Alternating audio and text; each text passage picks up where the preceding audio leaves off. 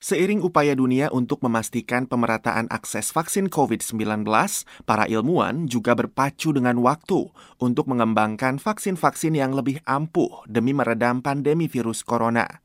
Salah satunya dilakukan oleh Novalia Piscesha, Junior Fellow atau peneliti junior di Society of Fellows Universitas Harvard.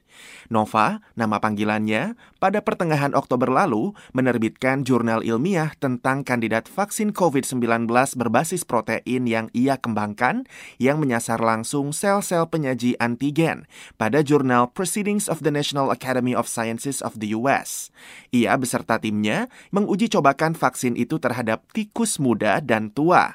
Hasilnya, metode itu memicu kekebalan tubuh tikus terhadap SARS-CoV-2, virus penyebab COVID-19 dan variannya. Uh, yeah, it's 100% effective because all of the mice actually... Kandidat vaksin ini 100% efektif karena semua tikus, jika Anda lihat datanya, terlindungi. Nova mulai memimpin penelitian itu bersama koleganya, Hida Pluh dan Thibault J. Harmon pada April 2020, sebulan setelah pengumuman status pandemi COVID-19 oleh WHO.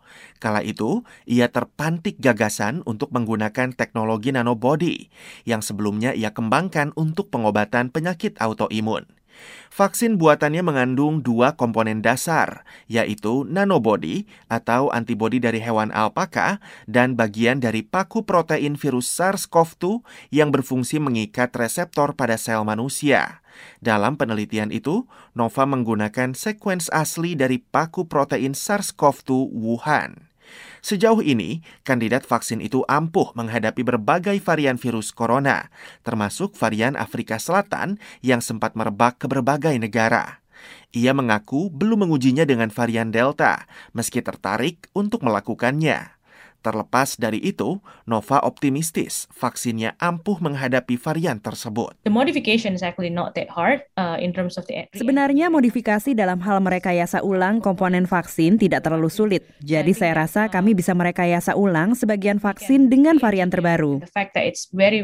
Dan bahwasanya vaksin kami memicu respons imun yang sangat-sangat kuat, ditambah dengan respons T-cell di area domain pengikat reseptor alias RBD yang terkonservasi, saya rasa kami cukup yakin vaksin ini bahkan memberikan perlindungan terhadap Delta. Menurutnya, vaksin berbasis protein yang ia kembangkan memiliki sejumlah kelebihan dibanding vaksin-vaksin COVID-19 lain yang sudah beredar. Karena kan ini protein based, jadi itu uh, sangat gampang sih sebenarnya uh, lebih mudah untuk dibuat dan juga kalau untuk didistribusi juga sangat mudah karena kan kalau misalnya mRNA ini harus dingin uh, terus ada kayak vaksin yang lain juga harus dingin. Kalau yang ini tuh bisa dikeringkan gitu, jadi di lyophilize. Jadi kayak bisa buat ringan juga untuk ditransfer ke mana-mana. Jadi kayak ditinggal di ruang temperature juga uh, satu dua minggu juga nggak apa-apa. Sebelum uji klinis terhadap manusia, tahap berikutnya adalah pengujian terhadap primata non manusia. Dalam hal ini monyet.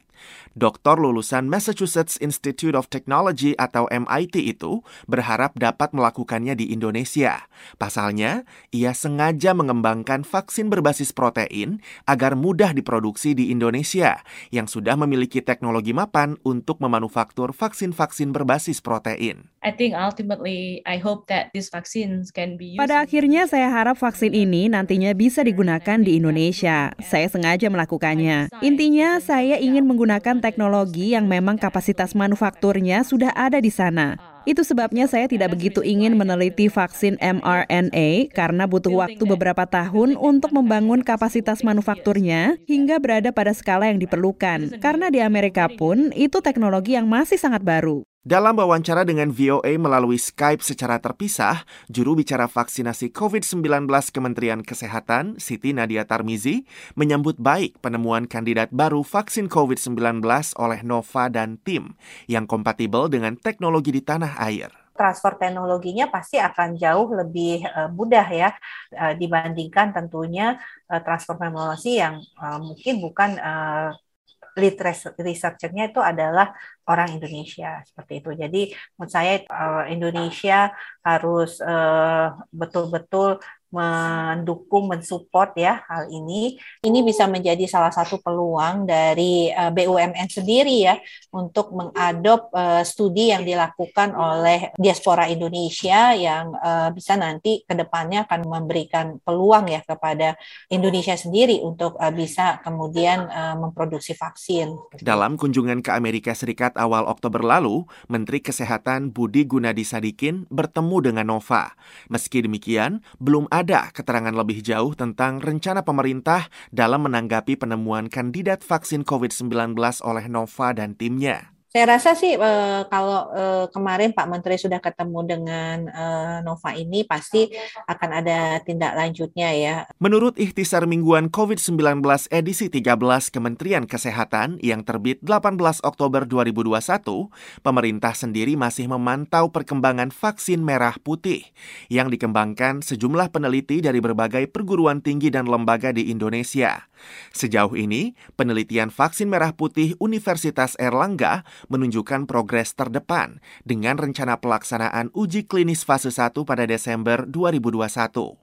Sementara itu, masih berbulan-bulan waktu yang diperlukan bagi vaksin Nova dan timnya untuk dapat diproduksi massal dengan catatan lolos tahap uji klinis dan mendapat persetujuan otoritas terkait. Ia memandang vaksinnya dapat digunakan sebagai penguat alias booster di masa depan. Mengingat, menurutnya, vaksinasi COVID-19 mungkin akan menjadi rutinitas tahunan yang perlu dilakukan masyarakat, seperti vaksinasi flu di Amerika.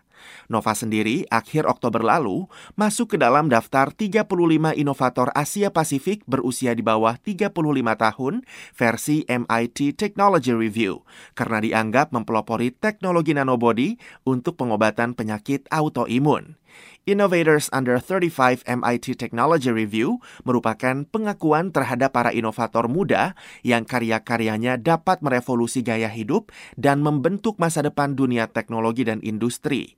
Pendiri Facebook Mark Zuckerberg, pendiri Google Larry Page, dan pendiri Twitter Jack Dorsey sebelumnya termasuk ke dalam daftar tersebut. Rifan Dwi Astono, Virginia Gunawan, Naras Prameswari, VOA.